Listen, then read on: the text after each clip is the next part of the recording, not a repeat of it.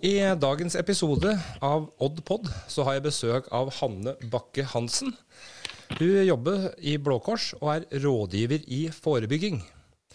I Blå Kors så jobber de med forebyggende tiltak og inkludering, spesielt rettet mot barn og unge, samt behandling og oppfølging etter behandling. Jeg leste nylig en eh, artikkel på Facebook som ble publisert av Smålenenes avis, der overskriften var 'Slik snakker du med ungdom om narkotika og rus', hvor Hanne var intervjua som rusekspert på temaet. Jeg er jo sjøl rusavhengig med over 15 år i aktiv rus, men jeg ruser meg ikke lenger. Jeg har eh, vært rusfri i litt over tre år nå, og ønsker å bruke mine erfaringer til forebyggende arbeid som virker. Undersøkelser, med, undersøkelser, som er gjort, viser at bare halvparten av alle tenåringer snakker med foresatte om alkohol og rus. Og noe av grunnen tenker jeg, kan være at mange foreldre kvier seg litt og er redde for å ta den første samtalen med sine håpefulle. Hanne sier at uh, saker fra nyhetsbildet kan være en gyllen mulighet til å åpne opp til dialog med barna, da ungdommen ofte får med seg disse hendelsene på nettet. Et eksempel er det tragiske dødsfallet i Spydeberg, hvor to unge tvillingsøstre døde som følge av en antatt eh, rusrelatert hendelse. Og lokalt her så vil jeg nevne saker som har blitt nevnt i Hamar Arbeiderblad den siste tida, hvor barn helt ned i tolvårsalderen er involvert i vold, trusler, ran og narkotikahandel. Hanne har òg flere gode råd om hvordan en samtale med ungdommen bør være for å oppnå god dialog som kan føre til større åpenhet, ærlighet og kanskje gjensidig respekt. Så velkommen til deg, Hanne, og tusen takk for at du ville komme på besøk til meg og prate litt mer om dette utrolig viktige temaet. Ja, takk for at jeg fikk komme. Utrolig, utrolig viktig samtale. Ja, jeg syns at dette her er på tide å, å, gi litt oppmerksomhet. Det burde kanskje ha vært gjort for lenge siden, men uh, nå er jo kanskje jeg òg litt mer enn snittet interessert i sånne ting pga. min historie. Så sjøl om jeg ikke har eh, barn sjøl, så har jeg tre onkelunger som, eh, som, begynner å komme i den rette alderen. Så um, jeg har jo veldig lyst til å starte med å spørre deg, da, først og fremst, om uh, hva Blå Kors er. Og åssen havna du der som en rådgiver i, i forebygging? Uh, ja, det er jo en Forresten, hører du at, at det, det, kommer sånn At det plinger her når jeg får mail? Nei. Nei? Så bra. Det går bra.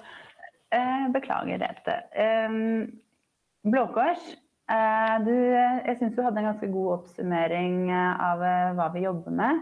Blå Kors er jo den um, største um, ideelle organisasjonen som jobber med um, å hjelpe folk som har en uh, rusproblematikk, enten av egen eller andres avhengighet.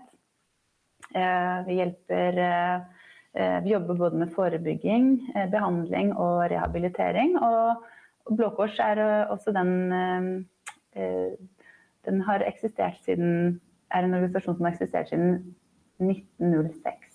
Så vi er ganske gamle. Vi holder på i mange mange år, har masse kompetanse over hele landet på, um, på og tjenester og virksomheter som jobber med uh, rusrelatert tematikk, men også annen avhengighetsskapende um, temaer som uh, spilleavhengighet og, eh, og annen, annen andre, andre, områder man kan slite på da, i, en, i en hverdag. Ja. Um, og, og, jeg har jobbet i, som rådgiver med forebygging i Blå Kors siden 2018. Nei, 2016. Uh, og jeg er eh, utdanna musikkviter og idéhistoriker. Og er, det er en morsom kombo. Uh, men, og jeg er ekstremt opptatt av ungdomskultur og identitet. Og det er mye av det jeg jobber med her i Blå Kors, er å jobbe med, med å skape forståelser for hvordan det er å vokse opp i dagens samfunn. Og jobbe med foreldre, lærere, politikere og ungdommer og prøver å skape samtaler om tematikk som er relevant eh, i en oppvekstsammenheng da, til de ulike målgruppene. Mm. Mm. Ja, det er veldig interessant. Det, det beskrev litt mer eh, på en måte ja, eh, området mm. ditt i forhold til bare det med rådgivning, på en måte. Du, Jeg vil tro at Ja. den, eh, den eh, Hva var det du kalte det? Viter i Du sa samfunnsvit... Nei, samfunnsvit. Ja, idéhistoriker og musikkviter. Ja, og musikkviter. Ja. Ja. Mm, så jeg har en eh, lang bakgrunn fra musikk- og kulturbransjen eh, som, eh, eh, som produsent og har jobbet, eh, jobbet med mm, store arrangementer og festivaler og, og også som utøvende musiker selv. Ja. Så jeg har eh, mange innganger inn til denne, den jobben jeg har nå. Da. Og det er utrolig spennende. Og det er, det er et felt som er i stadig utvikling, og det er riktig å være koblet på å være relevante for å kunne ha eh, For å kunne nå inn til eh, de man skal snakke til. Da. Um, så vi jobber jo med at barn og unge skal eh, vokse opp med færrest mulig negative konsekvenser av, ja, av egen og andres bruk av rusmidler og, og, og spill og andre, og andre elementer som kan være problematiske i, i oppvekstsammenheng. Da. Eh, og, det, og det er jo eh, et mangfold eh, av, av tematikk som berører hverandre. Og ofte så snakker man om rus eh, som et problemområde som man skal snakke om, men så glemmer man kanskje å se helheten på alle, hvordan ting er eh, hvordan ting henger sammen i en hverdagssituasjon for barn og unges oppvekst. Da. Eh, så vi prøver å ha, løfte litt blikket og, og se på sammenhenger og se hvordan vi kan eh, bistå med å skape refleksjon og, eh, og oppdatert kunnskap om hvordan det er å vokse opp, og hvordan man kan gi, skape, gi ressurser og verktøy til de som er rundt barna i eh, oppveksten, til å kunne til å kunne ha bedre, mer verktøy til å kunne hjelpe da, og være en god, trygg voksen og omsorgsperson. Ja, for det, med det du sier der, så tenker jeg automatisk på eh, det du sier med at rus er jo ikke bare rus. Eh, du er jo et resultat av omgivelsene dine fra du er født til du blir en sju-åtte antageligvis, har jeg lest en plass. Eh, Du blir et resultat av alt du opplever på en måte som går rett inn i det underbevisste sinnet ditt, og så lagrer du det der, og så blir det programvaren din på en måte i de neste åra. Eh, og da er det jo både skjerm, miljø, skole, eh, barnehage, foreldre, onkler, tanter, altså barnepiker. Det er mye som på en måte kan spille inn der som er utafor de foresattes på en måte kontrollevne eller eh, område. da.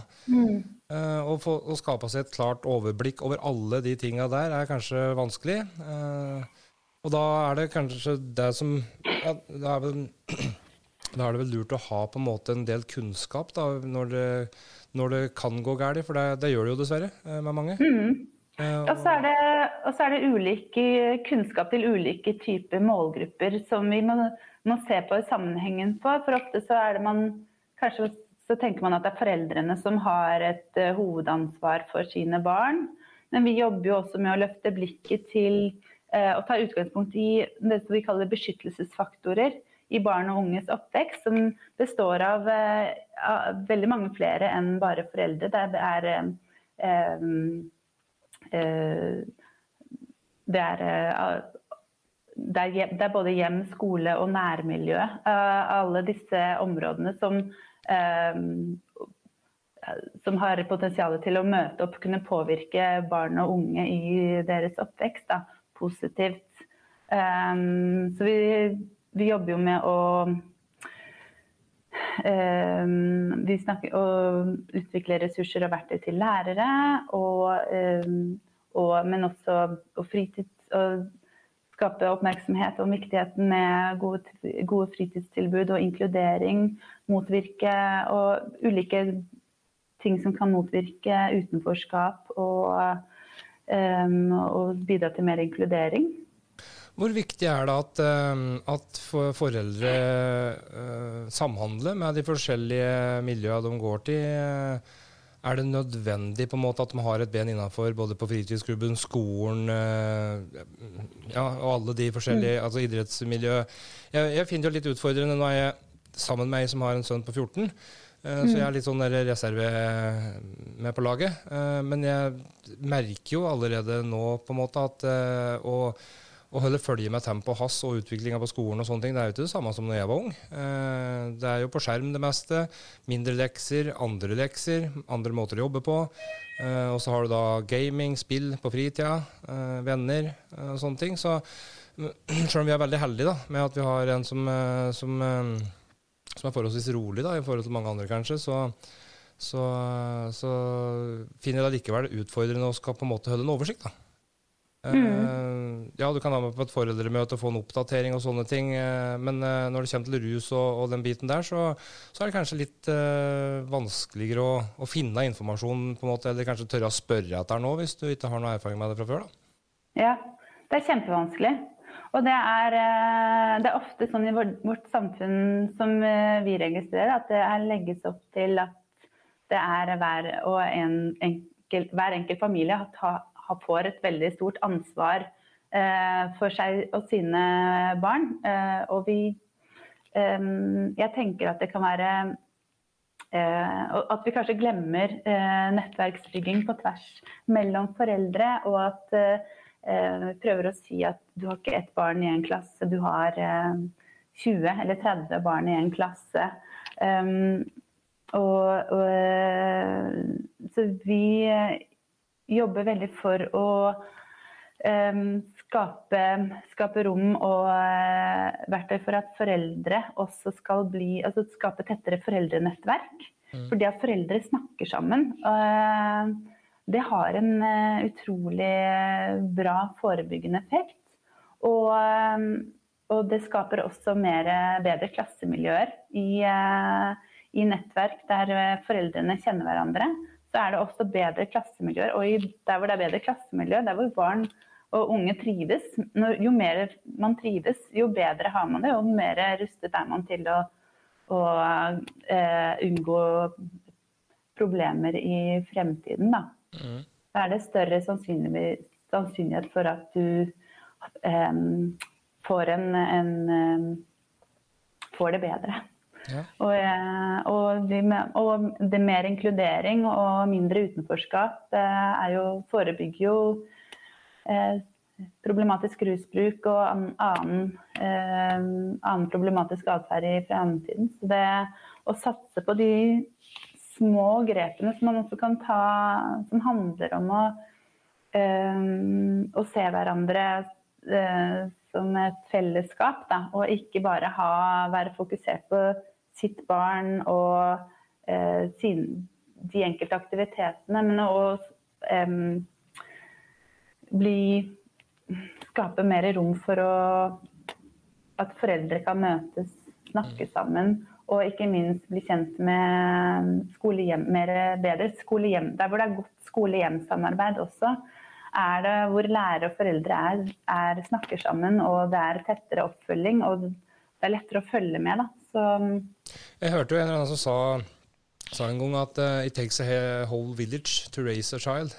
Ja. Uh, og der er det mye sannhet i, føler jeg. Uh, ja. Og um, når du prater på det med foreldre og sånn, um, var det bedre før? Kan vi bruke det uttrykket? Uh, når jeg var guttunge, så føler jeg at kanskje foreldrene mine hadde tettere kontakt med venner, foreldre til vennene mine. Mens nå som vi har flyttet oss over på digitale plattformer, så føler jeg kanskje at uh, vi, vi, fører mye av samtala der. da, altså blir lett å slenge i veggen mm. i melding, men du blir egentlig ikke kjent kanskje med personen eller hva den tenker, eller uh, sånne ting, som du gjør over en fysisk kaffekopp eller et møte. da. Ja, man må kanskje være flinkere til å ha disse fellesskapene i, da, da, vi var unge.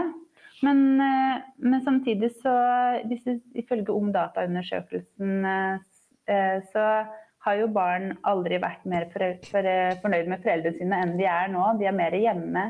De har, er mer sammen med foreldrene sine enn, uh, enn de har vært tidligere. Og foreldrene har og Ungdom venter lenger til de debuterer med alkohol, og det er um, Så sånn sett så er det jo uh, mye som har bedret seg. Uh, foreldrene er, mer, er, opptatt av å være venner. Man, det er mer fokus på eh, eh, relasjon og kommunikasjon i familien, kanskje. Men, men eh, samtidig så er det jo jeg har jo barn og unge melder om mye eh, psykisk uhelse. da. som, er, som vi ser har en eska, som er, er eskalerende. Hvis man ser på tall fra Ung Data. Så sjøl om foreldre er mer hjemme og, for, og barna mm. er mer fornøyd, så, så skyter uh, psykisk uhelse da, i, i været likevel? Mm. Vet du noen mm. grunn til det? Ja. Hvorfor det er sånn? Um, det kan jo være mange faktorer, men mange peker på press på skole, prestasjonspress. Dette at du alltid er eksponert i sosiale medier. Dette er De ungdommene som vokser opp nå, er jo de som De har vært eksponert, i, de har vært eksponert siden de var eh, født i sosiale medier. Mm. Eh, og det er kanskje en sårbarhet eh, rundt det, blant annet. Så er det andre, så er det andre faktorer som eh, som gjør dem uh, sårbare på en annen måte. Da, som, ja, mye press på hvordan man skal prestere på skole og utseende og mm. Ja. Så det er øh, Ja. Men Er det gjort noen undersøkelser i forhold til aldersgrenser på sosiale medier? Eh, når er det liksom riktig å gi kiden telefon og, og sånne ting? Jeg vet at det er 13-årsgrense, 15-årsgrense, ja. men jeg føler at i mange av tilfellene så burde den vært mye høyere, kanskje? Ja, ja og det, der er det jo laget, det er jo laget noen veiledende anbefalinger om aldersgrense, men det er jo Man ser jo i praksis at de halvparten av foreldrene eh, bryter de og mener at de har barn som, som kan bruke disse appene. Da.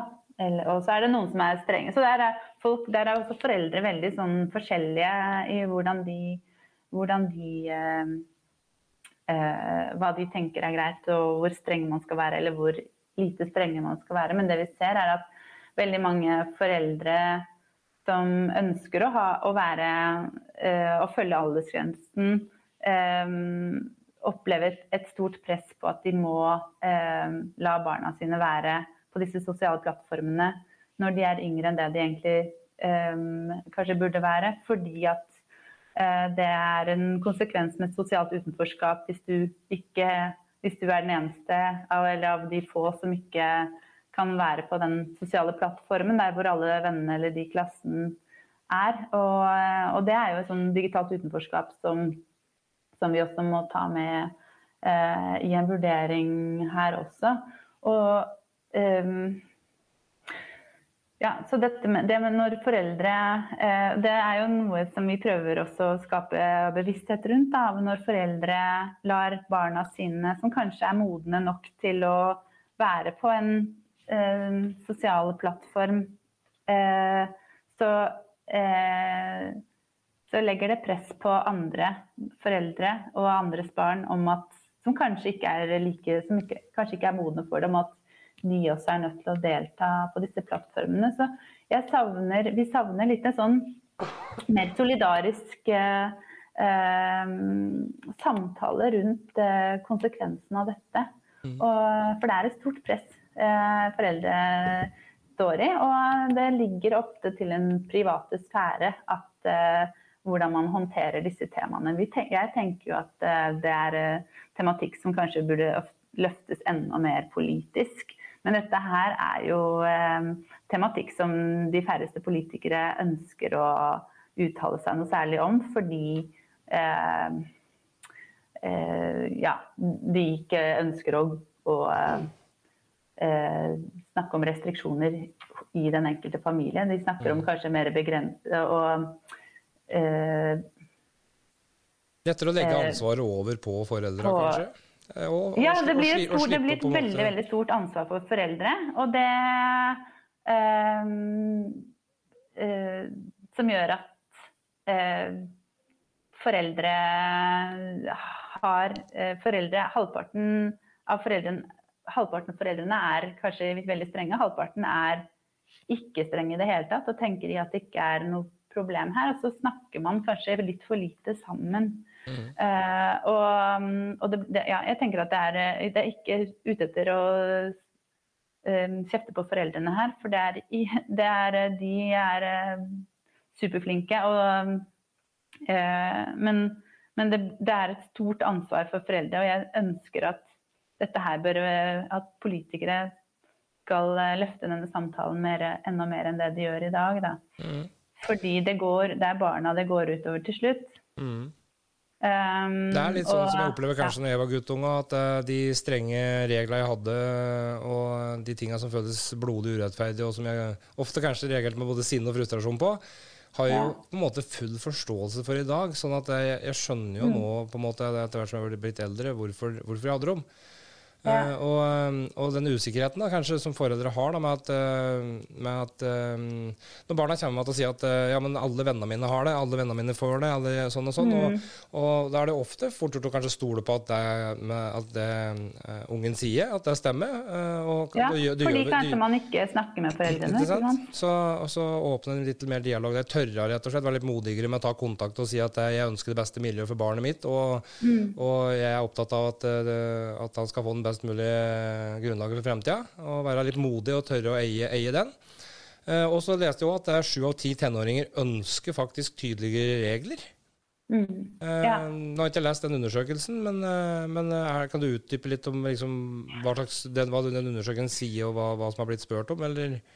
Uh, um, ja, uh, akkurat den undersøkelsen Jeg husker ikke om det er vi som har, uh, har Husker, jeg husker faktisk ikke. Jeg husker de tallene, men husker husker ikke hvem som har uh, Jeg tror det bare var avisa som skrev det, at uh, sju av ti tenninger ønsker tidligere. Så vi lå ikke noen rapport eller noe der på det. Ja, men det speiler jo uansett uh, mye av det vi, vi ser. Og um, når jeg har vært ute i skoler og, og spurt elever om hva slags regler de ønsker, så er de ganske gode på å sette Eh, sette opp, eh, liste opp eh, typer av regler som de ønsker til foreldrene. Så når foreldrene kommer på foreldremøte og får se, får se alt det barna har skrevet at de ønsker at det skulle være mer regler om, så får de hakeslepp. Fordi det er ganske mye. Og de, de, de, de ønsker rammer. Det gir, det gir, dem en trygghet. Og det fratar dem mye ansvar for, eh, som de ofte må stå i selv, da, mm. i forhold til det om uh, ulike typer gruppepress. Da, og mm. om det er rus eller alkohol eller om det er andre ting. Så mm. er det så ser man det tydelig at barn og unge de, de ønsker det. For det gjør, det gjør hverdagen dem så lettere. Ja. Jeg, jeg, har jo litt lyst til også Eh, jeg tenkte litt på hvordan jeg skulle på en måte legge opp den samtalen her for at vi skal gjøre den mest mulig realistisk og, og verdifull. Mm. Um, og da vil jeg bare fortelle litt kort om min barndom. Um, så vi har på en måte et eksempel på hvordan det kan gå selv om du vokser opp i et ryddig hjem som er god normal økonomi. Uh, og jeg hadde jo alle muligheter.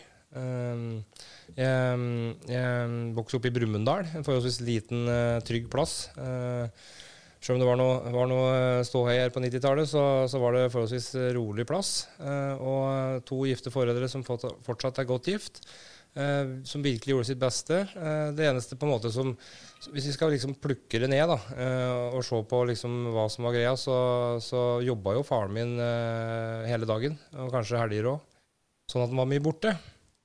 Eh, men mora mi var jo på en måte på plass hele tida. Eller tanta mi. Eh, besteforeldre bodde i nærheten. Altså, jeg hadde et helt nettverk rundt meg. da. Så jeg følte på en måte bare at jeg savna faren min for at han var mye borte. Eh, og så ble han liksom den som måtte si ifra når jeg ble umulig for at jeg hørte ikke på mora mi, for hun fløy med hver dag. Så jeg hadde, var jo bortskjemt, på en måte. Mm. Og, og måtte prate satt noen ganger, som, som ofte må gjøre med, med guttunger. Eh, men, men, bortsett fra det, så, så hadde, hadde, vi på en måte normalt stort hus, fine altså biler. Det var, det var, ikke noe stress der som, som, på en måte skulle gjøre at denne barndommen her ble noe, noe dårlig. da. Um, nå ble jeg feilmedisinert for en epilepsibarndommen som antageligvis hadde gått over av seg sjøl, sånn at virkelighetsoppfattelsen min fra, fra, jeg var 7 til jeg var 16, den er jo uh, forstyrra og vekk. Uh, som antageligvis er grunnen, mye av grunnen til at jeg um, ble avhengig av alkohol og, og deretter narkotika. Men øh, hvis vi ser på hvis vi, hvis vi, setter to eksempler, da. Eh, jeg vet ikke om du har barn? Mm. Uh, og jeg regner med at uh, du bruker jo dine regler og teknikker på dem og ser i praksis åssen ting fungerer, og hva som ikke fungerer. Eh, og, og, og, jeg tenkte vi kan jo gå litt gjennom det etter hvert som jeg tenkte jeg skulle gå gjennom noen av de punktene jeg hadde her. Mm. For, for til foreldre da, i en forebyggende fase. Og nå antar vi at de er såpass unge at de, de, er forholdsvis ukjente til rus. Kanskje de, de har fått snappa med seg at rus finnes. Narkotika er ulovlig og farlig. Uh, sånne ting. Uh, nå vet jeg ikke hvor de starter på skolen og informerer om sånne ting, om det er på barneskolen. Men uh, i hvilke trinn er det det begynner der, f.eks.? er Ideelt sett så begynner man å snakke om det allerede på syvende trinn. Mm. Eh, siste år på, på barneskolen. Eh, mange foreldre opplever nok at det er kanskje tidligste laget. Eh, hvor gammel er du da? Mm, da er man vel eh, Ja, er man vel ikke tolv, da, kanskje? Mm. Ja. 12, ja. Eh, og ja, man er fremdeles barn, og gutta kanskje leker med dinosaurer og eh, men, eh, men, og man tenker at eh, det er for tidlig å begynne å snakke om dette her nå. Men det som skjer, er at plutselig så kommer ungdomstiden, og du vil gjerne ta den samtalen med disse barna om, om denne tematikken før, uh, før, er Før du plutselig brenner. Um, så vi kaller det um, å smi mens, uh, jernet er kaldt. Ja. Mm. Altså Det heter jo forebygging for en grunn. Og, og ja, ikke sant. At du bør, bør, bør jo begynne før temaet på en måte er oppe i, i ja. ja. Så, så, tidlig innsats og universelle Altså eh, å, ta, ta, samtalen og lage den så åpen som mulig. Og, um, fordi alle barn har en um, Alle barn har et, som vokser opp i Norge, har i hvert fall et forhold til alkohol, uansett om det er foreldre som uh, drikker, eller foreldre som ikke drikker, eller om du er i et miljø hvor de ikke drikker, så har man eh, på en eller annen måte en forståelse om at alkohol eksisterer. Så allerede der har du et grunnlag til å kunne snakke om, snakke om eh, tematikk, snakke om, snakke om alkohol som det, det trenger ikke å være så farlig for at man skal kunne snakke om det. Barn har masse spørsmål. Ja. Og eh, jeg tror veldig mange er, synes syns det er litt sånn ubehagelig usikre på Veldig mange syns det er usikre på om man skal snakke med barna om, det, om, om alkohol mm. og eventuelt uh, rus. Men det er, uh, det er et uh, tema som barn får med seg. Og hvis du har anledning til å åpne opp for en samtale rundt det, så tenker jeg at um, du er på god vei til å skape, skape, trygghet blant barn om at dette her er tematikk som du kan snakke om.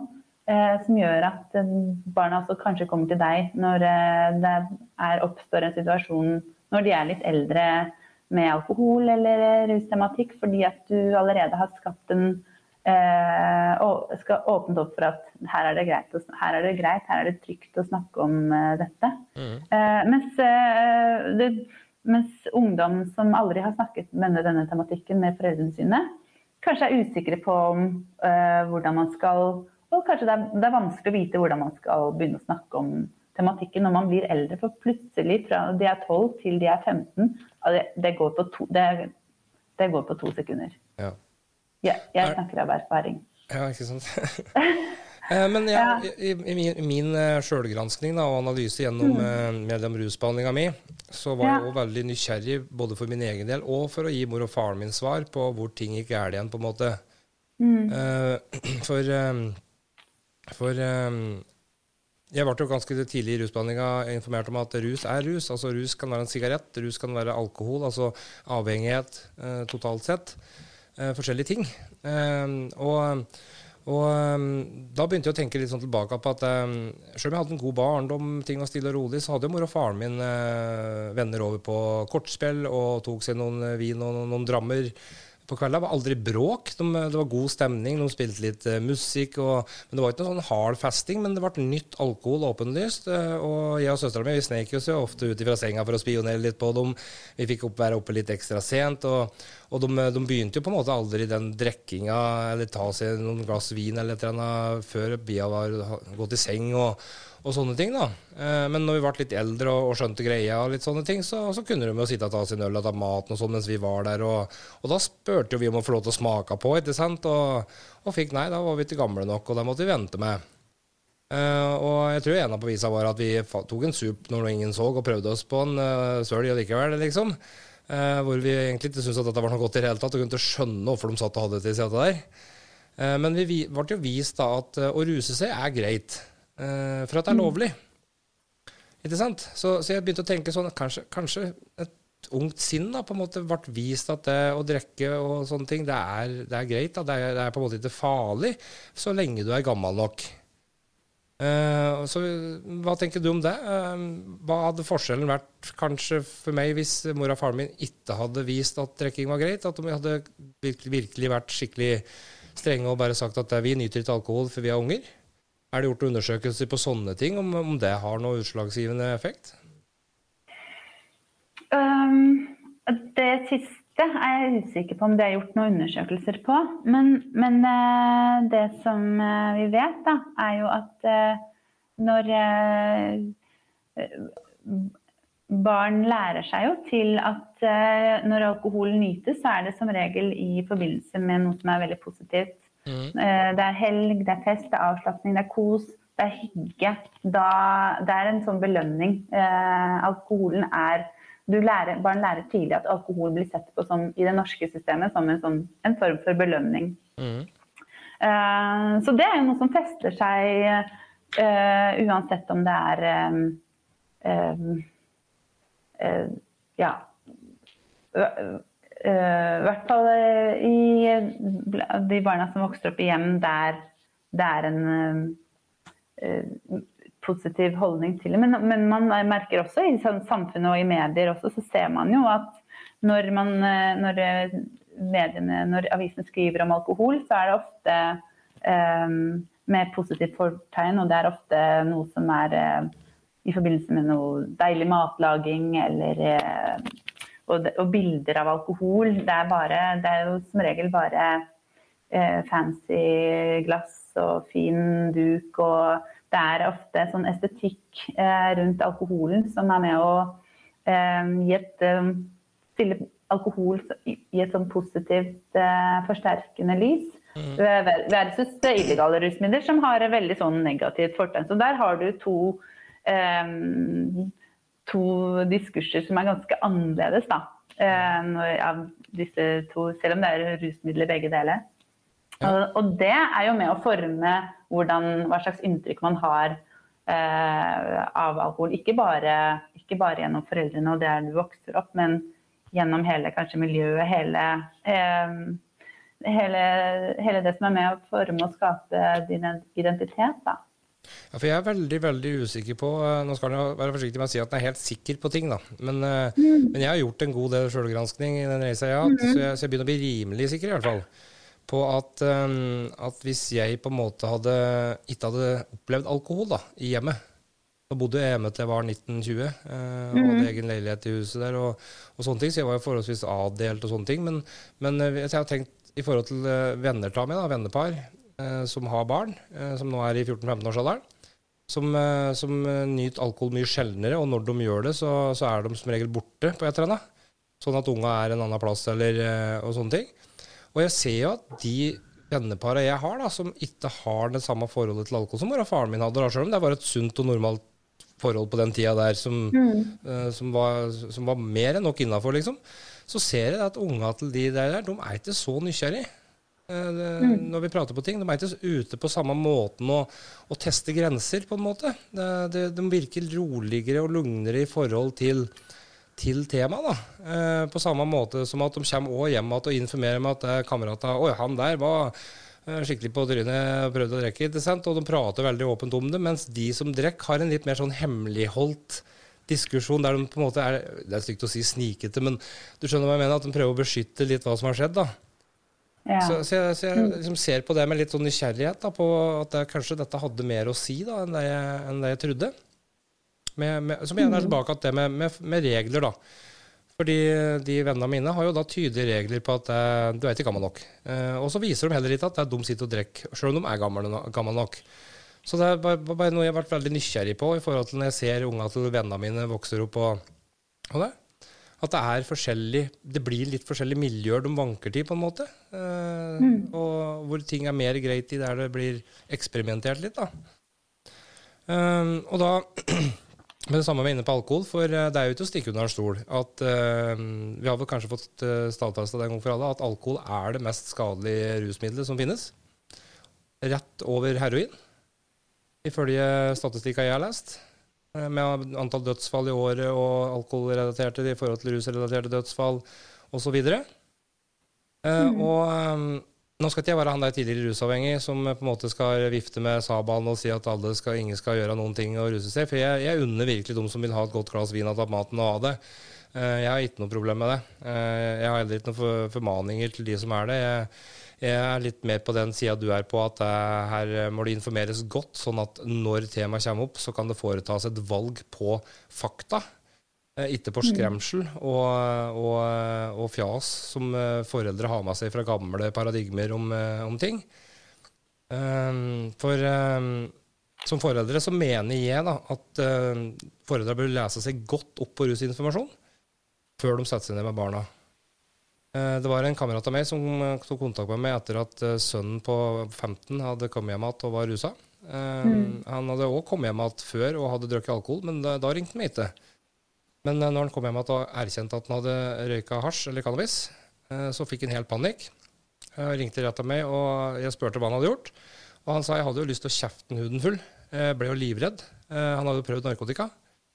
Og ja, hva er det du vet om, om sånne ting, da, sa jeg. Liksom i forhold til alkohol, og har du liksom lest det opp og, og sånne ting? Og nei, men det, det var tross alt narkotika. Og han hadde ikke kjefta på han, da, for han hadde jo hørt det jeg har sagt en eller annen stand, at hva du enn gjør, så ta den praten eh, på riktig tidspunkt. Eh, vis heller at du er der, og vise forståelse og sånne ting. Og, så han hadde nå bare sagt at han fikk gå og legge seg, og så fikk de prates i morgen når han eh, var i format. og, og der mener jeg at det han gjorde der, da, det er jo kanskje det viktigste. Ikke kaste den inn på rommet, stenge døra og begynne å kjefte. Eh, som igjen gjorde at eh, dialogen han hadde dagen etter, da, åpna opp for samtale og, og sånne ting. Hvorpå han guttungen da fortalte far sin det samme som jeg sier nå, det han hadde sett på nettet, at det, du drikker alkohol. Det er jo dødelig. Det er jo dødeligere. Altså det, vi har vist en statistikker.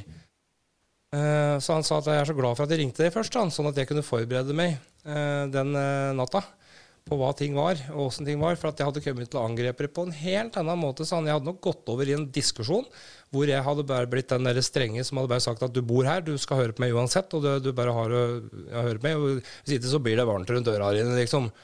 Og sjøl om det kanskje ikke skjer, så er det ofte at det blir trua med det. Jeg måtte jo òg hente min egen riskvist, sjøl om det aldri ble brukt. Så, så, hva er dine tanker om det i forhold til For det er jo Jeg, jeg mener jo at uh, knowledge is power. Det er det. Uh, hvis du bruker det riktig. Kunnskap er makt å ha ja. makt, og, og, det er i, i, den forbindelse med at du har makt og kontroll på situasjonen. At du er sikker ja. på, på ja. Er det lov å, å, krangle litt på det? Vær så god. Det er helt enig i at det er kunnskap, uh, fakta, og det er, uh, det er superviktig. Samtidig tenker jeg at vi skal ikke forvente av at alle foreldre skal kunne um, medisinske definisjoner og virkning og alt av eh, alle ulike typer stoffer. Mm. Tenker, jeg tenker at uh, ja, uh, kunnskap er makt, men jeg tenker dialog er, ennå, er også en, og tillit til hverandre til, uh, er ekstremt verdifull i, i denne, i denne mm. sammenheng. Og at man skal kunne snakke med hverandre. At det er en, en plattform for å kunne snakke sammen. Uh, og, og, og, Vi kan gjøre det, på å si at kunnskap er, det, er om det er, eh, om det er rom for uh, og trygghet i en uh, familie eller mellom, mellom, to til å kunne snakke om noe, så, trenger, så kan man Så er det mye man kan også ja, det handler om tillit og trygghet og til hverandre, da, og at det er en åpenhet for at man kan, eh, man kan, snakke sammen og være uenige. Og så selvfølgelig kommer dette her med, med, kunnskap. Men det handler jo ikke om at man skal slå i bordet med fakta. Det handler om at man skal undersøke hva ting handler om. Hva er det, hva, hva var det som skjedde? Jeg ville vært mer interessert i hva er det som skjedde? Hva, hvorfor, uh, hvorfor, har du gått over denne grensen som vi kanskje har blitt enige om at du ikke skulle gjøre? Mm. Hva er det og, og, og, heller se på uh, hva er det som er det, du, er det noe du strever med om dagen? Er det andre ting? Å løfte blikket rundt fra, fra, kun den, det, det rusmiddelet det dreier seg om. For det handler ikke bare om et rusmiddel, det handler om veldig mange andre ting. Kanskje det handler om altså En ting er at man tester grenser og prøver ut nye ting, og kanskje man handler om at man er redd for å bli holdt utenfor. Uh, kanskje det er noe man flykter fra. Kanskje det er, det er så mange ting. Å, få, og heller finne ut av um, komme i, få, få, en samtale rundt hva er det som skjer at dette her skjer. Mm. Hvordan kan vi møtes? Hvordan kan vi snakke sammen for at kan, hvor kan jeg bidra til at uh, um, du skal få det bra, istedenfor at man skal uh, være en ekspert på, på virkningene av cannabis. For det mm. vet jeg ikke om jeg ville sett på som så fruktbart. Uh, for da kan, da, må, da kan, man jo Det kan man jo da, bli, da mister man jo en diskusjon, da. En, en, en verdifull uh, samtale. Men det er jo selvfølgelig skal man, skal man eh, Er det jo lurt å ha noe god kunnskap. Men jeg ville satt enda mer Jeg ville tenkt at det var enda mer eh, viktig at man eh, har en åpenhet for hverandre om at det er trygt å kunne snakke sammen. Mm. Så kan en forelder som ikke har noe kunnskap, kan også bidra med, med mye støtte og um, og, være en god samtalepartner, da. Mm. Ja, jeg, jeg, er her for å lære, for jeg, jeg lurer like mye som, uh, ja, jeg, som andre. Jeg bare, jeg bare spør det, om det var lov å krangle, men jeg, ja, jeg sitter heller ikke på noen fasit. Uh, men, men, men, vi ser at ofte så eh, blir det en diskusjon rundt det, det, som man ser på som et problem. Det kan være rusmiddel, det kan være dataspill. men, man, men hva er det dette her handler om?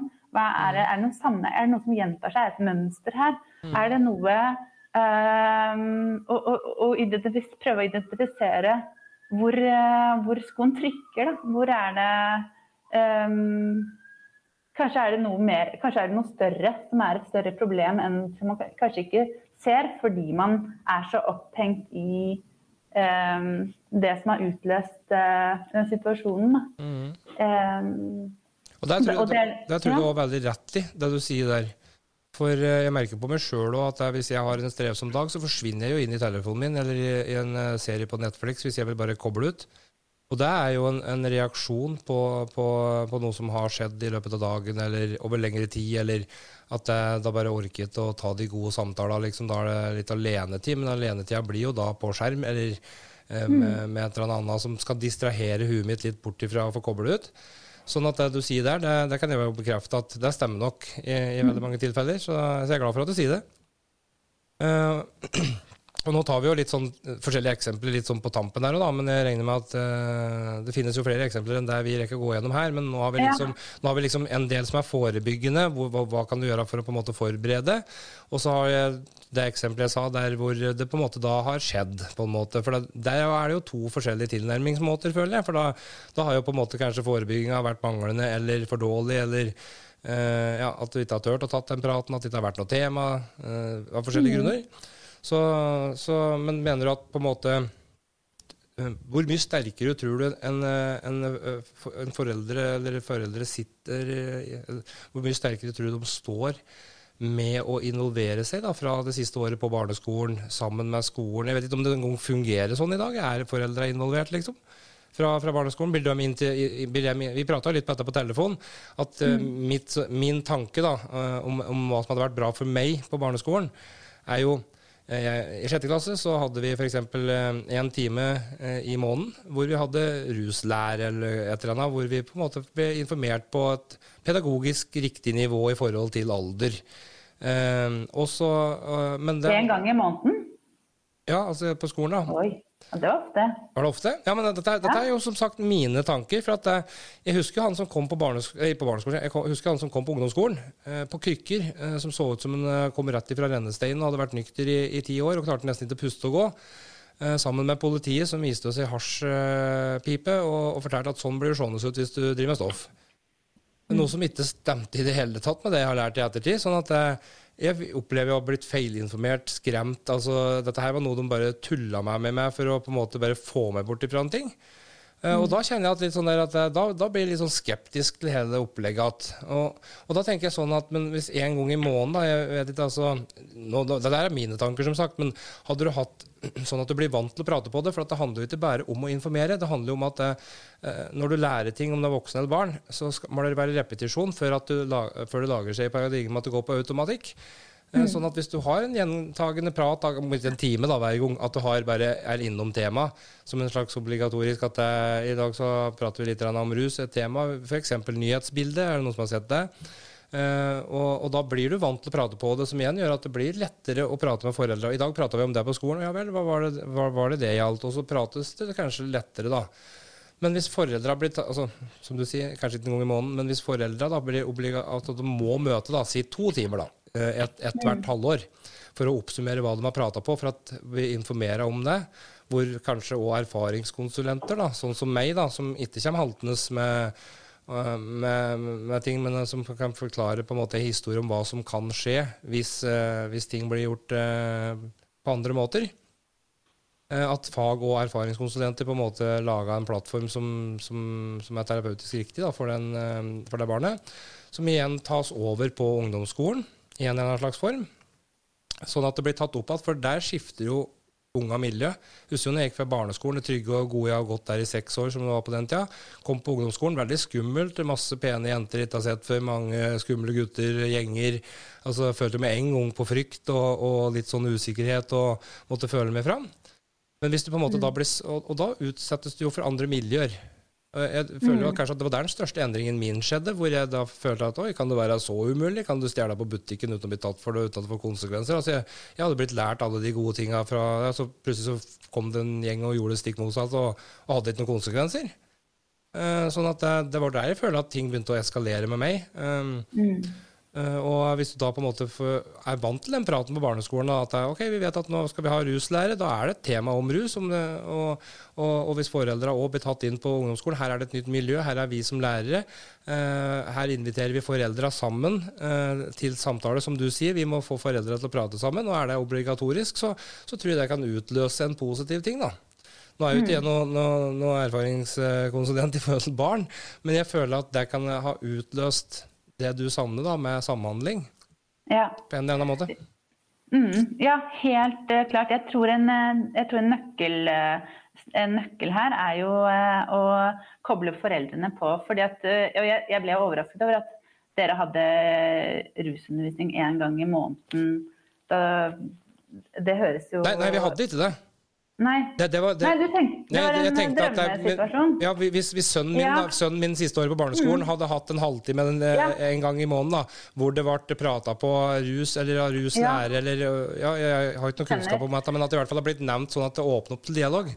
Ja, ja det, hadde vært, det hadde vært kjempefint. Men jeg tenker at her igjen, foreldreinvolvering. Dette må også foreldrene øve seg på. Mm. Fordi at, eh, Og det tenker jeg er en sånn um, en liten sånn kjepphest som eh, jeg jobber med, er å, å få foreldrene enda mer koblet på. Fordi eh, nå, det, det, virker ikke når bare barna skal få informasjon og få, ha denne samtalen eh, på skolen. Så ser vi jo at tiltakene ikke funker. Men får du foreldrene også koblet på, at de også får med seg eh, Vet hva barna snakker om og hva de har lært så kan, man, kan, det også bli en samtale i familien som eh, bidrar til å forsterke det barna lærer også.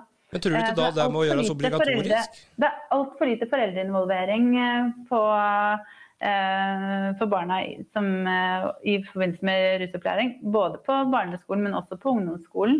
Og når de kommer på videregående, så, så slutter man jo helt med så er det jo nesten ingenting av dette. Og dette her er jo dette etterspør jo barn og unge, i hvert fall ungdom, eh, som, mm. er, eh, som de, de, har ikke noe det, det, er veldig lite rusundervisning de har på skolen, og de, de, de etterspør det. Og de syns det er for dårlig. De syns også det er for kjedelig. Det er, for, det er, for, dårlig prioritert. Er det og, og det er for lite foreldreinvolvering. Og foreldre får ikke med seg hva som skjer. De har ikke, ikke anledning til å følge opp og være kobla på. Men, men, og da mister man en viktig faktor. Ja, ja jeg er helt enig med deg, og jeg får så mye spørsmål eh, når du prater, for at vi tenker så mye likt. så derfor jeg, derfor jeg, begynner å prate bolig, så jeg beklager det. Men eh, jeg blir litt engasjert, siden jeg, for jeg føler at her, her, er det mye som, eh, som kan gjøres. Men da, da, har jeg liksom, da har jeg to-tre spørsmål. Det første er Tror du den forandringa kommer til å skje uten at kommunene, staten eller noen gjør det obligatorisk for foreldre å faktisk møte de to kanskje timene i, i året? For å møte andre foreldre? Det er jo faktisk Det er jo noen som eh, har jobbet med det. Slike tiltak. Det har, eh, det har eksistert, og det eksisterer eh, noen som er Men det er, det er da forebyggingsprogrammer som, som er omfattende og går over flere uker. Og det er, men, men man får ofte tilbakemelding av at foreldre syns det er litt mye. og mm å eh, delta på. De har så mye annet de skal gjøre, som er forståelig. Eh, men eh, de, de som klarer å gjennomføre disse mm, programmene, de får man Man ser at det er, blir bedre Undersøkelser gjort i etterkant har vist at det blir bedre kommunikasjon i familien. De, mer, de snakker mer om alkohol, rus, tobakk og tematikk. Og de, eh, de, setter mer regler, og foreldrene blir mer kjent med hverandre. Det blir bedre klassemiljø. Alle disse faktorene da, som er med, og som handler om å skape mer positive relasjoner til andre, både i klasserommet og positiv kontroll over følelser. Eh, at man får også ungene, ungdommene også får mer, kanskje mer empati med foreldrene. Eh, og ja, positiv, positiv foreldre- og barnerelasjon med støttende involvering. Jeg er jo ikke i eh. tvil om at, at, det fungerer, jeg er jo ikke i tvil om det, mm. men, men, men det er vel Men det er omfattende, så det er vanskelig å få, få Det er vel heller det manglende. Ja, de, de ja. som ikke går på det, der, da. Det er, det er jo der, mm. der jeg føler at, at det kanskje at, Ja, som du sier, det, for, folk har dårlig tid, det skjer mye. Ja. De har mye ansvar ellers i familien kanskje pga. ting som skjer. og og det er derfor jeg bare lurer på om, om altså, hvis du hadde måttet møtt da, altså Hvis du da som foreldre som har informasjon, ja. eller du som er eh, eksperten på, si, da, på, på, området Hvis du som forelder har blitt invitert av skolen at eh, i dette halvåret her så har vi en rus, eh, for eksempel av meg, en erfaringskonsulent som skal komme og fortelle om hva rus og, og kriminalitet og ting kan gjøre, og, og, som er kjent på kroppen, og ha et foredrag, gjøre det litt interessant for dem å komme. da. Mm. Eh, at det er sterk historie, f.eks. Eller at det er uh, god informasjon. Eller noe som gjør det litt interessant å komme og invitere inn. Uh, ja. og, og, det andre halvåret så skal vi på, kanskje, ja, da skal vi prate litt om åssen det har gått. Har dere prata med barna deres og litt sånn om rus og, og litt sånne ting?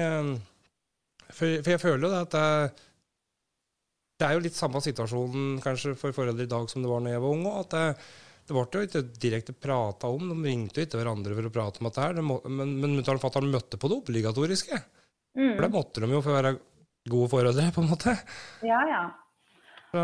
Ikke sant. Så det øh, Nei, det er jo det tematikk som dette her er jo utfordrende ofte tabubelagt og vanskelig kanskje å starte samtale om. Så det at skole er en skole er jo en uh, unik plattform sånn sett, til å kunne skape disse plattformene og rommene for, for uh, å kunne ta opp tematikk som dette her, og også sammen med, sammen med foreldre.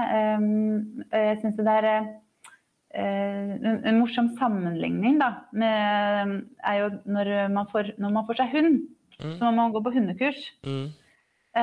for dressur, og det er jo Eh, ofte over mange uker. Eh, men eh, når barna blir ungdommer, så er det, det er mange foreldre som kanskje burde tatt, hatt et kurs i det å bli ungdomsforelder også. Fordi mm. det er mange utfordringer som man kan støte på. Og så er det det å fint å koble seg på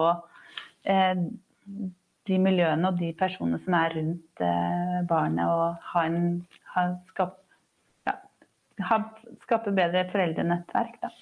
Artig at du tar den sammenligningen med hund, for jeg, jo, jeg har jo tatt hundetrenerutdannelsen. Så, så, så, jeg kan faktisk relatere til at jeg, jeg er så Det var grunnen til at jeg ikke fikk med hund, jeg, at jeg gikk den. For da mm. skjønte jeg virkelig hva jeg bega meg ut på hvis jeg fikk det, så jeg er veldig glad for det. da. Ja. At jeg tok det først. For ja, jeg, jeg tror ikke jeg bør ha hund. Jeg må, måtte først lære å ta vare på meg sjøl. ja, ikke sant. Så, det var bra du gikk deg hundetrenerutdanning først, da. Ja, jeg, jeg, gjorde det egentlig så, for at det var litt interessant med dyr. Da, og jeg tenkte at det kanskje mm. ikke var eh, Med min historie så så jeg ikke for meg at jeg jobber med mennesker, da, at det kanskje var så bra. da. Mm. Uh, men, uh, men, jeg skjønte jo fort at jeg, historien min har jo mye verdighet i seg. Så. Ja, og bare det, å sitte og prate med sånn Veldig bra du jobber med mennesker nå. takk for det. Veldig takk for det. Uh, men for å gå litt videre i de punktene jeg har skrevet ned her, da. Mm.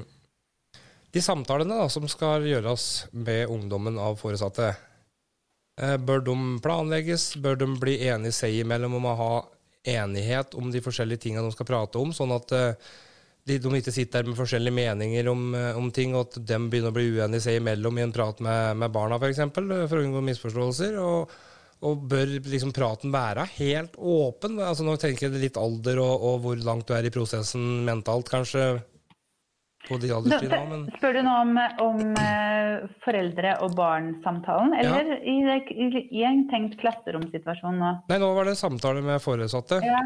Uh, for det jeg skrev i, bør samtalene planlegges av de foresatte med tydelige regler og en enighet seg imellom om hva de står for i de forskjellige temaene rundt rus, og for å unngå misforståelser? Eller bør dialogen på en måte kan den være helt åpen og, og, og omfatte uenigheter for å vise at det er mulig å være uenig og, og prate om det. ja, jeg tenker jo at uh, den bør jo være på like premisser som uh, all annen samtale som du har. Hvorfor skal det være farligere å ha denne samtalen enn andre samtaler?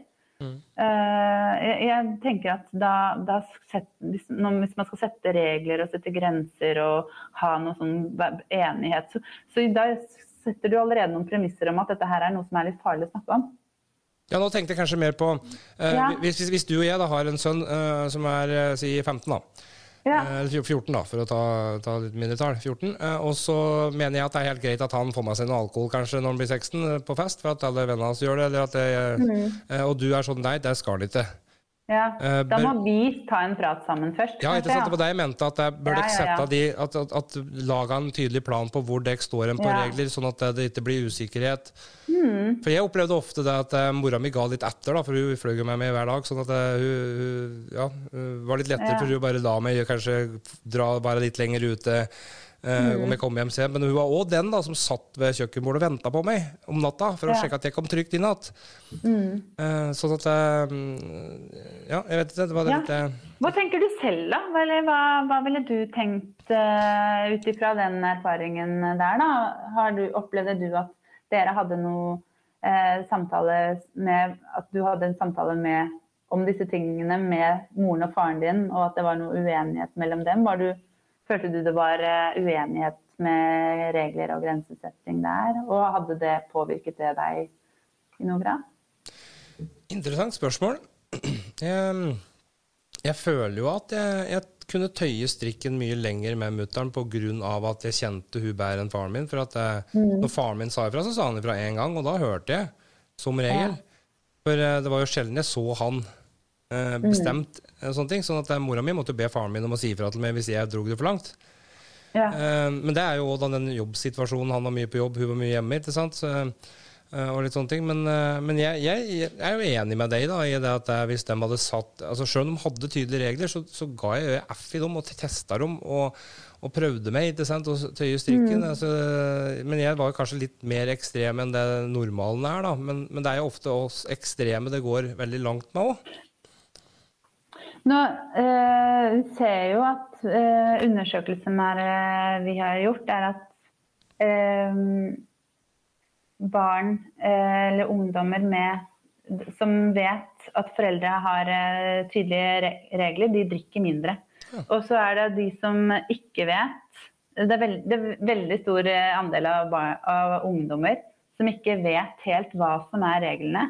Og, der, og de, drikker da, de, drikker også mer og tester ut eh, grenser i større grad. Så er det jo selvfølgelig uh, variasjoner, men sånn uh, statistisk sett så drikker barn som vet hva av foreldre For noen ganger så er Hvis man ikke snakker om det, så vet man heller ikke hva hva slags forventninger og grenser foreldrene har. Og da er det kanskje lettere å tøye, tøye grenser og kanskje takke ja til ting som man kanskje ikke eh, som er usikker om man skal takke ja til eller ikke. Fordi foreldre med, med, streng, med strenge regler er, har statistisk sett så er det drikker barna mindre, da, eller ungdommene.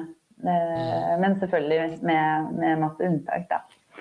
Men, det, mm. vet, har du noe oversikt over det? Er alkohol eh, den letteste veien inn mot uh, ulovlige stoffer? Det er, jo, det er, jo, det rusmiddelet som barn og unge ofte debuterer med. Da. Mm. Så jeg vil jo si at det er eh, absolutt de som, de som uh, bruker andre rusmidler, har ofte også brukt alkohol. Mm. Eh, det er også fordi at det er jo lettere tilgjengelig med alkohol, og det er en, eh, ja, eh, en mer normalisert holdning til at det er ja, man, man, man holdning til alkohol, da. Derav det vi prata på i stad, med at foreldra viser at det er greit, liksom, på en måte? da. Ja, ja. Altså, med, med, selvfølgelig unntak. Der er det jo mange foreldre som ikke drikker også, da, men, men vi ser at de som eh, bruker andre rusmidler, i stor grad også bruker alkohol. Mm. Så det er jo Ja. ja øh, min, øh, min, erfaring da, med rus, kriminalitet øh, og det livet jeg har levd, er ikke akkurat barne-TV-mat. Åssen kan jeg på en pedagogisk måte fortelle onkelungene mine på 9, 14 og 16 om mine erfaringer uten å på en måte gå over streken eller uh, gjøre noe galt, på en måte. For selv om jeg sitter på kunnskapen, så kjenner jeg òg på frykten og usikkerheten rundt hvor mye er det som er greit å si til de forskjellige alderstrinna. Og, og liksom, Eldste virker ikke som han bryr seg, han har fått med seg hva som har skjedd. Uh, mellomste spør litt innimellom, og den yngste er jo fortsatt så ung at, um, at det er litt tidlig, føler jeg. da. Mm. Hvor uh, ung er den yngste? Ni. Ni, ja. Ja. Eh, det er jo eh, Det er jo ikke lett å svare Nei, på det. Men jeg tenker jo at Nå tuller jeg. Elleve, mener jeg. Ja. eh, tida flyr. Eh, det eh, Altså, man kan jo være Man kan jo være personlig eh, og være en veileder og, og fortelle litt. Du kan det går an å fortelle litt, men du trenger jo kanskje ikke å gå i detalj. Mm. Eh, på, um, gå helt ned i detalj på det du har egne erfaringer, da. Men, men jeg tenker jo at man også kan Man kan snakke om eh, Altså, det er mye, mye bra som kommer med å være ærlig å vise til eh, ja, det, jeg har prøvd det, og det gikk ikke Det var ikke så bra. Jeg synes at man kan ha noe sånn Man kan, eh, man kan snakke om det og eh, av egne erfaringer uten at, man, uten at, det være, uten at det trenger å være farlig. Da viser det også at, at de kan snakke med deg om dette her når de blir større også, da. Mm. Hva tenker du, hva tenker du om det? Nå, dette sier jo jeg, eh, men jeg sitter jo ikke med fasiten. Men, jeg tror ikke noen ja. gjør det, egentlig. Det er det som kanskje Nei. gjør det litt vanskelig. At det, det er veldig individuelt. Kanskje på hvordan mm. uh, altså, jeg, tror, jeg, tror, jeg legger mye vekt på at jeg vet at søstera mi uh, ha, er en ryddig forelder som, som mm. har alt på stell. da. Sånn ja. at jeg, jeg, har mye trygghet i at hun, hun har lagt et godt grunnlag. Mm. Hvis jeg skulle fortalt det til noen vilt fremmede på en skole f.eks. om erfaringa mi, så mm. måtte jeg nok sikkert ha gjort om en del ta, ja, for, uh, av informeringa pga. at det mangler et tillitsforhold, bl.a. At det er ukjent.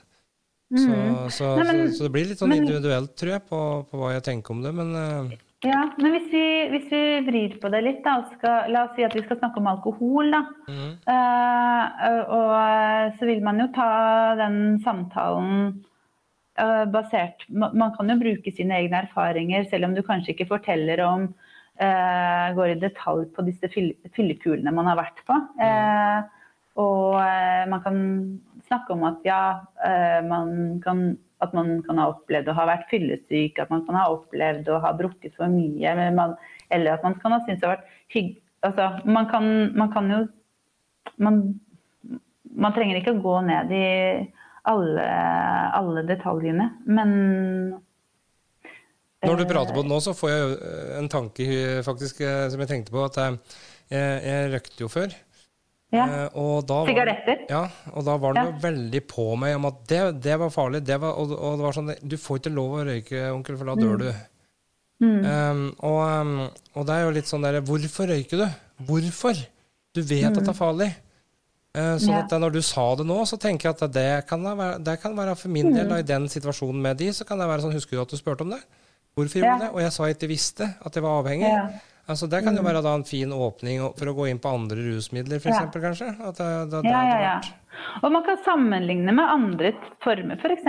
kaffe. da. Man, mm. mange føler at man må drikke kaffe hver dag, og mange føler at de er altså, Man kan jo sammenligne og trekke, trekke ja, gjøre det relevant og, og alders, aldersadekvat ut fra hvem du, mm. Hvem du snakker med. Jeg tror at, jeg tror at man uh, kommer langt med å ha en åpen innstilling og være, og være åpne for å For det, det, det, her er tematikk som er ekstremt tabubelagt i samfunnet vårt. Mm. Og, og, ved å bryte ned eh, stigma og og, og tabuer og det, og ikke gjøre det så farlig å snakke om. Da. Det er det som, eh, det som jeg tenker er et stort problem, er at vi syns dette her er så farlig tematikk. Det er farlig å snakke om. Og, og, det er det også ungdommene sier når de trenger mer Når de gjør opprør eh, for eh, rusundervisningen som de opplever er for dårlig i skolen, er at det er Man tar på det. Det er, det er lærere syns er vanskelig å snakke om. Og hvorfor mm. er det så vanskelig å snakke om? Man kan bruke litt humor, det trenger ikke være så tungt. Det kan være lett, det kan være humoristisk. Det kan være gjør det interessant, gjør det mm, relevant, gjør det greit å snakke om. Mm. Jeg må bare avbryte litt her, for eh, Google Chromen min eh, avslutta seg sjøl her. Ja. Eh, så jeg var litt sånn usikker på hvor vi egentlig havna hen her nå. Snakka vi for lenge? Nei, ja, det er Vi har en utfordring med PC-en. Jeg trodde vi hadde fått fiksa den. Det hadde vi tydeligvis ikke. Nå, uh, jeg vet ikke hvor jeg avslutta, men det var, vel, det var, vel, det med å, å, å samtale, med, samtale med, med barna ja. Det, det, som, det, som, vi ser, erfarer, er jo at uh, ungdom uh, gjør opprør fordi de uh, de, har, de har, opplever at de har en rusundervisning som de ikke blir tatt på alvor. Det er altfor lite, det er for dårlig, det er for kjedelig. Um, og uh, de opplever at også lærere um, det, det, er veldig avhengig av læreren, om det er en god lærer eller ikke. om hva slags kunnskap denne læreren har. Uh, om, at det er veldig sånn tilfeldig om man, uh, hva slags undervisning man får. Eh, så det her er veldig sånn vilkårlig om man får en bra eller dårlig rusundervisning. Som ikke er eh, som du, du, har Man har andre forventninger til tematikk eh, i andre fag, da. Så og, og, man trenger å ufarliggjøre og snakke om, snakke om denne tematikken. Fordi, og det ungdommene merker også, er at lærere syns det er, er usikre på hvor mye man kan si. Det, det, er jo akkurat dette vi snakker om. Hva, det, hva, kan man si, hva skal man ikke si? Skal man ha regler? Hva kan jeg fortelle, hva kan jeg ikke fortelle? Når er det Og, og, og denne Mye har skjedd eh, med seksualundervisningen som har blitt eh, utrolig mye bedre enn det det var for kanskje 20 år siden. Eh, kanskje 10 år siden. Og jeg tror vi må, vi må vi må ufarliggjøre det å snakke om rus og alkohol. Og det er så mye tabuer i samfunnet vårt rundt disse temaene her. Og det overfører vi til ungdommene våre. Og eh, det gjør at um, når vi ikke får snakket om det, så får vi ikke eh, komme til bunns i hva som kanskje kan være et problem, og når det blir et problem. Det er, eh, det er altfor mye stigma og tabu og redsel for å snakke om disse temaene. Og derfor unngår man det, fordi det er enklest. Mm. Eh, og så forteller man om virkninger, virkningen av cannabis, og så har barna fått en rusundervisning. Mens man snakker ikke om eh, Man snakker ikke nok om det. og eh, samfunnsmekanismer og eh, hva er det kultur eh, det er for lite eh, Og så behandles det kanskje litt for tungt. Vi kan snakke om det eh, mye lettere. Eh, vi trenger ikke gjøre, ufarliggjøre det å snakke om det. Bruke mer humor, ha mer eh, refleksjon, åpne spørsmål. Det er ofte så er det sånn man får fakta lista opp, og så er det det som er undervisning. Det er alt kanskje ja, mer åpne samtaler, mer åpen refleksjon mer eh, involvering av foreldre. Min, eh, mer, bruk mer humor. Mm.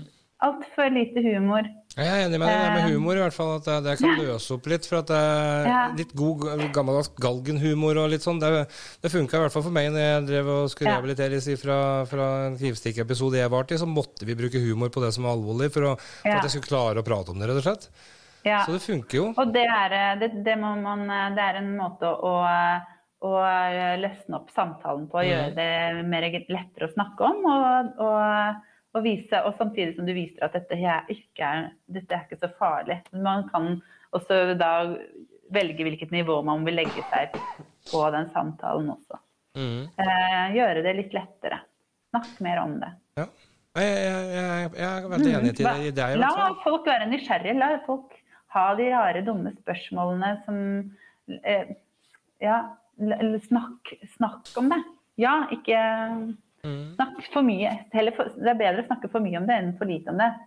Jeg regner jo med at og unga har jo sikkert en del spørsmål. Når den første skuffa der åpnes opp, så, så røster det ja. kanskje på litt. Så det er jo greit å være forberedt på at her kan det være mye rarere spørsmål som kanskje ja. fortjener et normalt svar òg. Altså at, uh, ja. at, du må liksom vurdere litt på Ja, mm. ja fordi vi tenker jo òg da skal de stille alle disse, rare, disse vanskelige spørsmålene som ikke vi kan klare på, svare på. Men så viser det seg at de kanskje har veldig mange rare andre morsomme spørsmål som de lurer på, som vi kanskje ikke har tenkt over at det er det de lurer på. Som kan være fint å, å, ta en samtale om også, da. Jeg merker jo på de onkelungene mine at veien inn i en, et spørsmål er veldig ja. lang. da. Det bygges ja. opp eh, kanskje med et spørsmål som ikke hadde noe med saken å gjøre i det hele tatt. Altså, det, mm. det, spørres om noe annet enn det de egentlig tenkte, kanskje. Ja. Eh, sånn at det må ofte jobbes litt att og fram for å få tak i som du sier, da, kjernen i hva de egentlig lurer på. Ja. Eh, så, så, jeg er veldig enig med deg til det. Og der kan vi voksne bli mye bedre. Mm. Ja, for det handler jo om at alt, alt dette her handler jo egentlig om de voksne. Ja. Det er jo ikke med barna i det hele tatt, egentlig. Det handler jo, som du mm. starter å åpne opp samtalen her med, at det, eh, det må samhandles mer mellom de voksne for å, å, kunne på en måte skape en bedre dialog, da. Mm, skape en kultur for uh, hva, hva, man kan snakke om. Mm. Men hva tenker du om de foreldra som Uh, altså Nå skal jeg ikke spørre så direkte, kanskje. Uh, jeg opplever at uh, mange i en bestemt alder nå er sånn der eh, vi vi skal, legalisere alt. Alt skal komme ut åpent, og alle skal prate om alt. At det her er ikke farlig. Nå må folk få opp øya sine.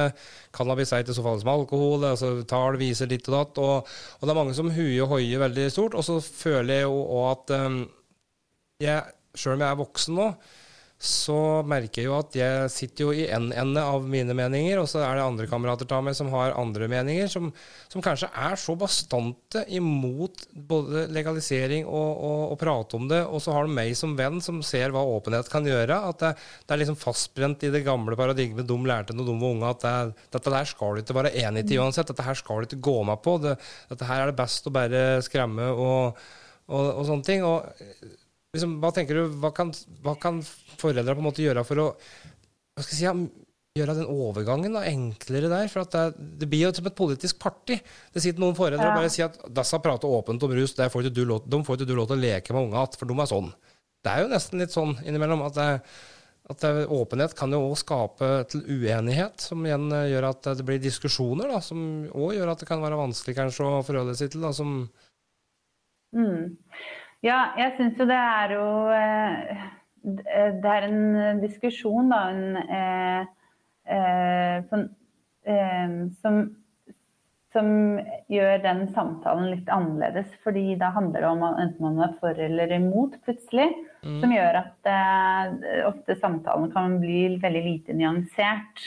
Og kanskje ikke så veldig fruktbar. Eh, da, tenk, da, tenker jeg at eh,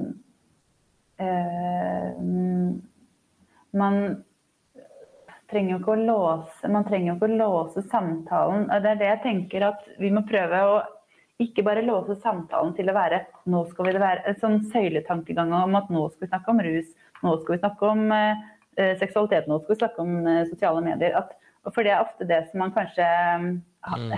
eh, man kanskje låser seg til. Men, men har en samtale eh, At det blir en samtale der man kan snakke om der, Hvis rus kommer opp, så er det en åpenhet for at det er rom for å snakke om rus. At det kanskje ikke, så skal man kanskje vokte seg litt for å snakke om om det er for eller mot legalisering, men snakke heller om hva er det som er i ungdommene våre sitt liv, som, eh, hva er det som og, pirre til en nysgjerrighet rundt, eh, altså, eh, rundt andre faktorer i ikke bare om man er for eller imot, for der, der, kan, der er det ingen som vinner. Og det blir, en, det blir en, eh, ofte en eh, Der er det eh, ja, liten, lite fruktbarhet da, i den samtalen. Mm. Eh, opplever. Jeg opplever at det er polariserende, lite nyansert eh, dialog ofte. Og på begge sider. Eh, så da vil jeg utfordre utfordre de som skal sette i gang disse samtalene, til å ta høyde for at man skal prøve å dreie samtalen over til det som handler om eh, eh, oppveksten av livet til eh, de man snakker, snakker, om.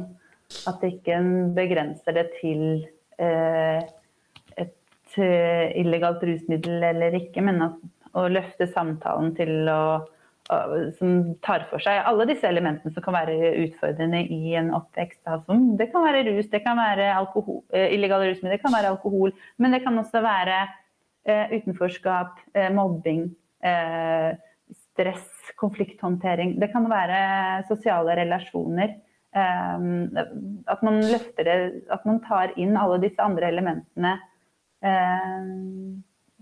For alt, alt, alt spiller på hverandre. Mm. Ja, nei, ja, Ikke, Og det å låse samtale til bare samtale om rus kan bli veldig sånn begrensende for en samtale, da. Ja, Du bør kanskje ikke sette av en time på lørdagskvelden midt i beste fritida til sønnen din liksom, og sette og si at nå skal vi prate om rus. Eh, det er mer naturlig å ta praten når den kommer av seg sjøl, tror du? Uh, ja, det kan vel sikkert, kan vel sikkert funke, det òg, da. Men det håper jeg at det blir en litt sånn Hvis du skal først sette av en lørdagskveld på det og snakke om det, så håper jeg du gjør det litt morsomt, da. Ikke bare uh, Ja, de lag gjør det litt gøy, da. Se, søk på nett om det er det noen uh, det, er masse, det er masse ressurser og materiell og snakkekort man kan vi har jo laget f.eks. Ja, snakkekort som man kan bruke i samtaler med barn om f.eks. rusmidler, sosial, hvor man snakker om, løfter fram og, ja, rusmidler og alkohol, drikkepress, sosiale medier. Uh, så man kan komme, skape en dialog hvor man legger fram ulike premisser, ulike dilemmaer. Og så blir samtalen en refleksjon mellom uh, i en sånn samtale. Da. Og så kan det være kanskje en inngang til å, å begynne en prat. Uh, det er mange, mange måter å starte samtale på. Og, og, kanskje det å liste opp fakta kanskje ikke er den uh, Ja, jeg vet ikke om hvor, hvor, mye det åpner opp for en dialog, da.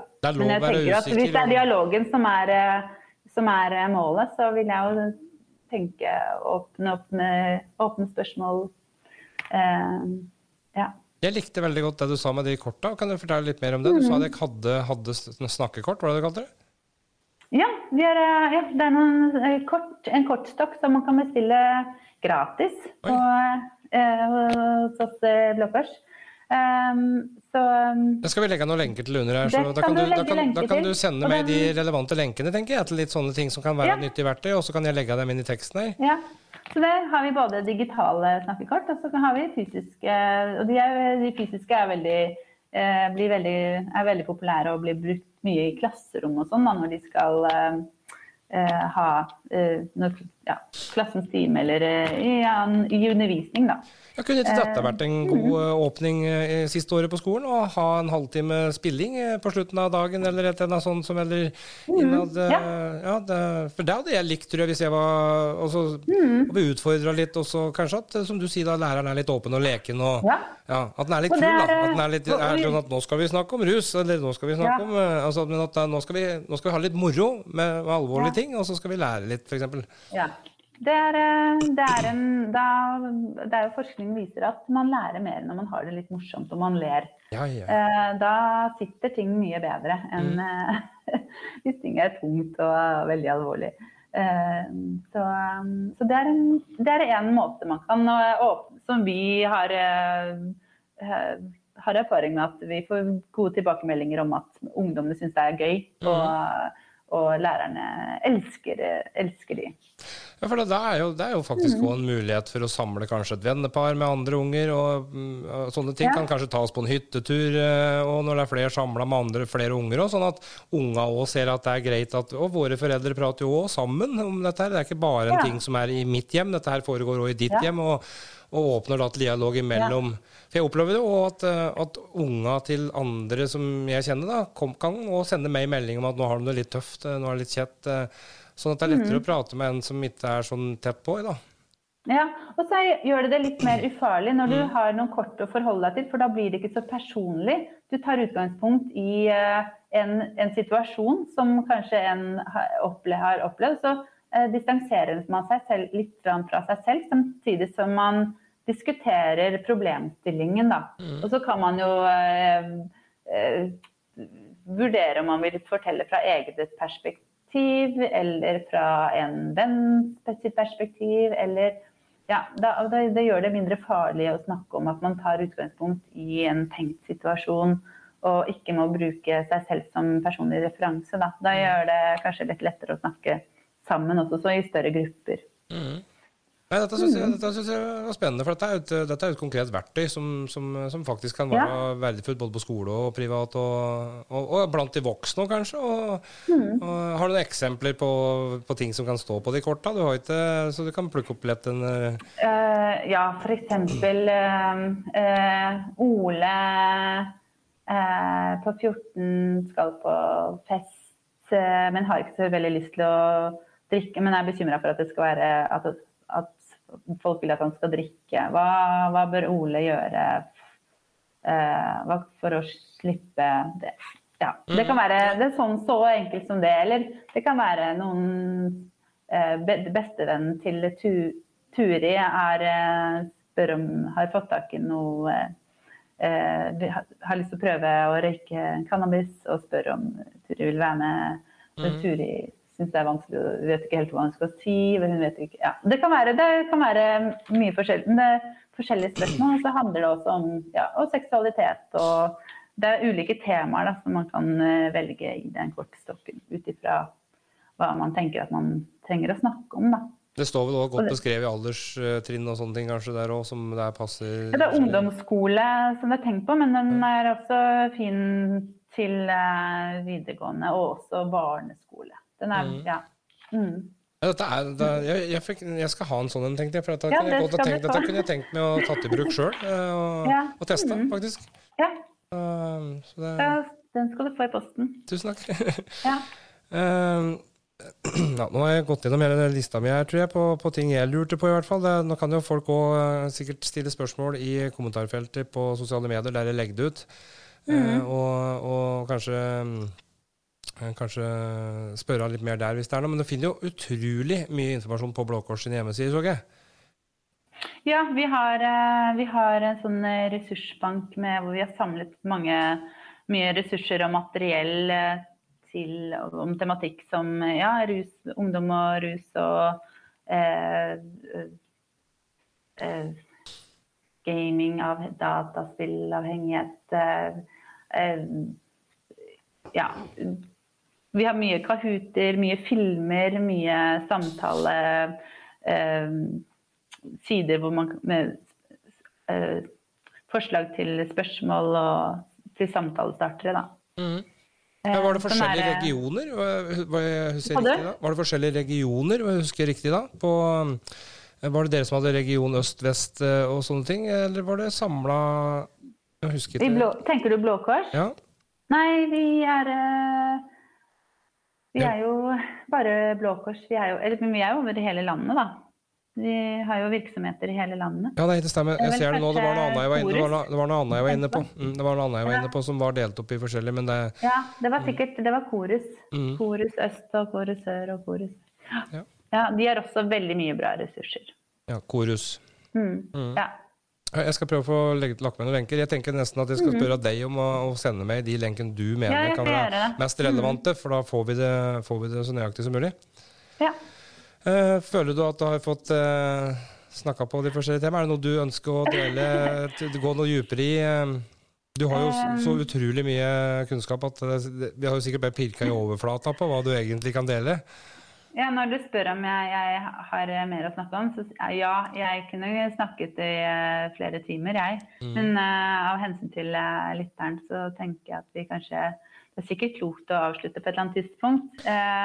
Um, vi kan jo uansett ta flere prater. Hvis, folk, hvis folk sender inn spørsmål, mm. hvis, vi, hvis ja. folk viser seg at de er veldig engasjerte og stiller masse spørsmål, kunne jo mm. vært interessert i å tatt en prat senere en gang, kanskje? Ja, selvfølgelig. selvfølgelig. Hvis noen syns at det, her, det, jeg har sagt, har vært uh, interessant, så mer enn gjerne. Uh, flere, flere, samtaler om dette her. Det her er jo et utømmelig tema.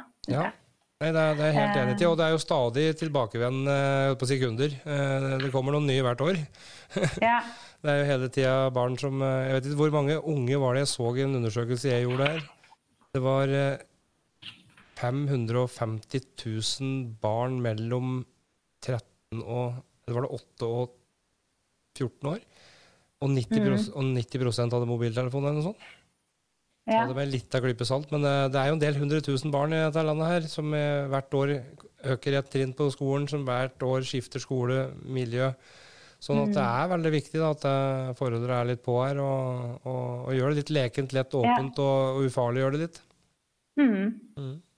Um, jeg kan si en siste ting, da. Uh, og det, men jobber, det å jobbe med forebygging Det er jo veldig mange måter man kan jobbe med forebygging. Og det er, uh, ofte så jobber man med forebygging Det som kanskje som er mest um, Noe av det som um, staten bruker mest ressurser på av forebyggende tiltak, er uh, tiltak som retter seg med, mot sårbare, uh, risikoutsatte grupper.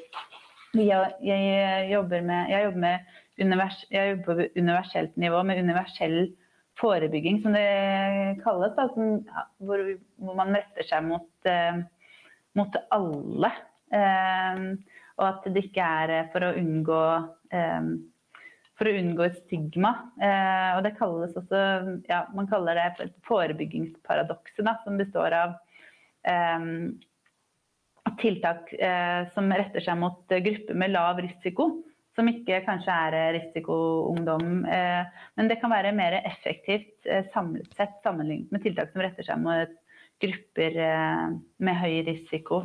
Mm. Og det er fordi at det er det er liten effekt av tiltak rettet mot eh, Det er kanskje liten, eh, liten effekt eh, av tiltak rettet mot mange, men samlet sett så blir, blir en, kan det bli en større endring da, over tid av effektive tiltak som retter seg mot en, en effektive tiltak som retter seg mot få individer. Hvis det var, var, hvis det var forklarende. Så jeg tenker at det dette med fellesskap, dette med å, å å få alle med og, og, ha en solidaritet med de du har rundt deg i samfunnet. Um, uh, du har ikke et Det er en It takes a village to raise a child. Du har ikke ett barn i en klasse, du har 20 mm. eller 30 barn i en klasse.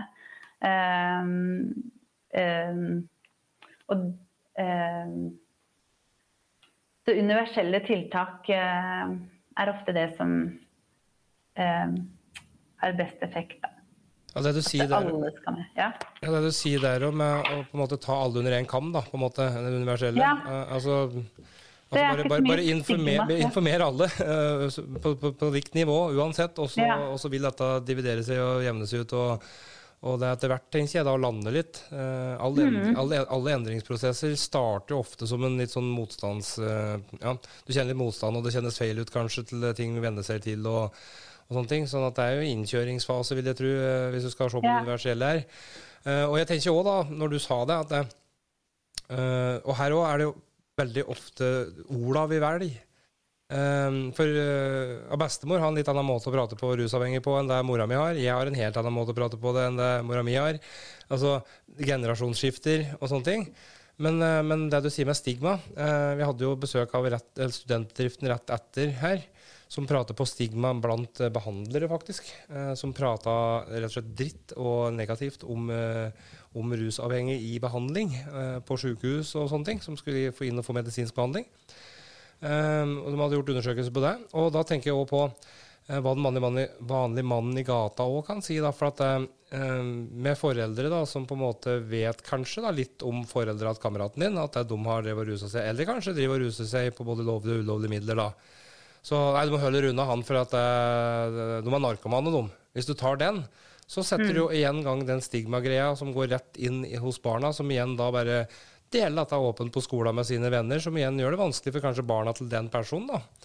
Eh, og du bygger, eller lager kanskje mer tull for folk da, og barn enn det du egentlig ønsker. Altså hvis, hvis du skal si noe, så kanskje velg ordene dine litt med omme og si at jeg, jeg tror de har noen utfordringer der, eh, som gjør at de kanskje har andre utfordringer enn oss. Ja, Eh. eller inviter dem på middag. Eller mener? inviter dem med på hyttetur, eller Ja. Ja, jeg, jeg hadde blitt med på hyttetur. Det, ja, det, men, men, men det er skummelt, da, vil jeg tro. Det, altså, det, du sier jo det veldig lett. Ja, inviter dem på kaffe. Ja. Eh, Bestemutteren er jo sånn. Altså, hun, hun, hun er jo sånn der at Ja, du får ta med meg på mat, da. Ja, men du brukte jo stoff, sier tanta mi. Ja, men du spiser vel mat for deg, sier bestemor. Ja. Ja, det er sånn, eh, du, du må ikke være så skeptisk, liksom. Du vet ikke det er før du har møtt dem. ja.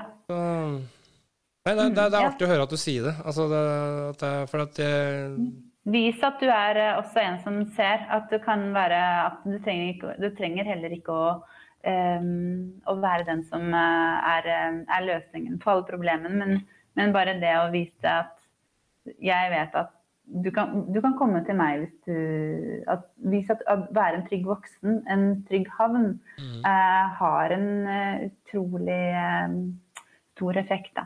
Eh, og eh, det å vite For er barn som vokser opp i, mm, i, i sårbare livssituasjoner, og det å vite at man har eh, voksne rundt seg som kanskje som, som man ser at Å, jeg ser at de ser at her er det Kanskje ikke jeg spør om eh, jeg kan sitte Kanskje ikke jeg spør i dag, kanskje jeg spør en annen dag.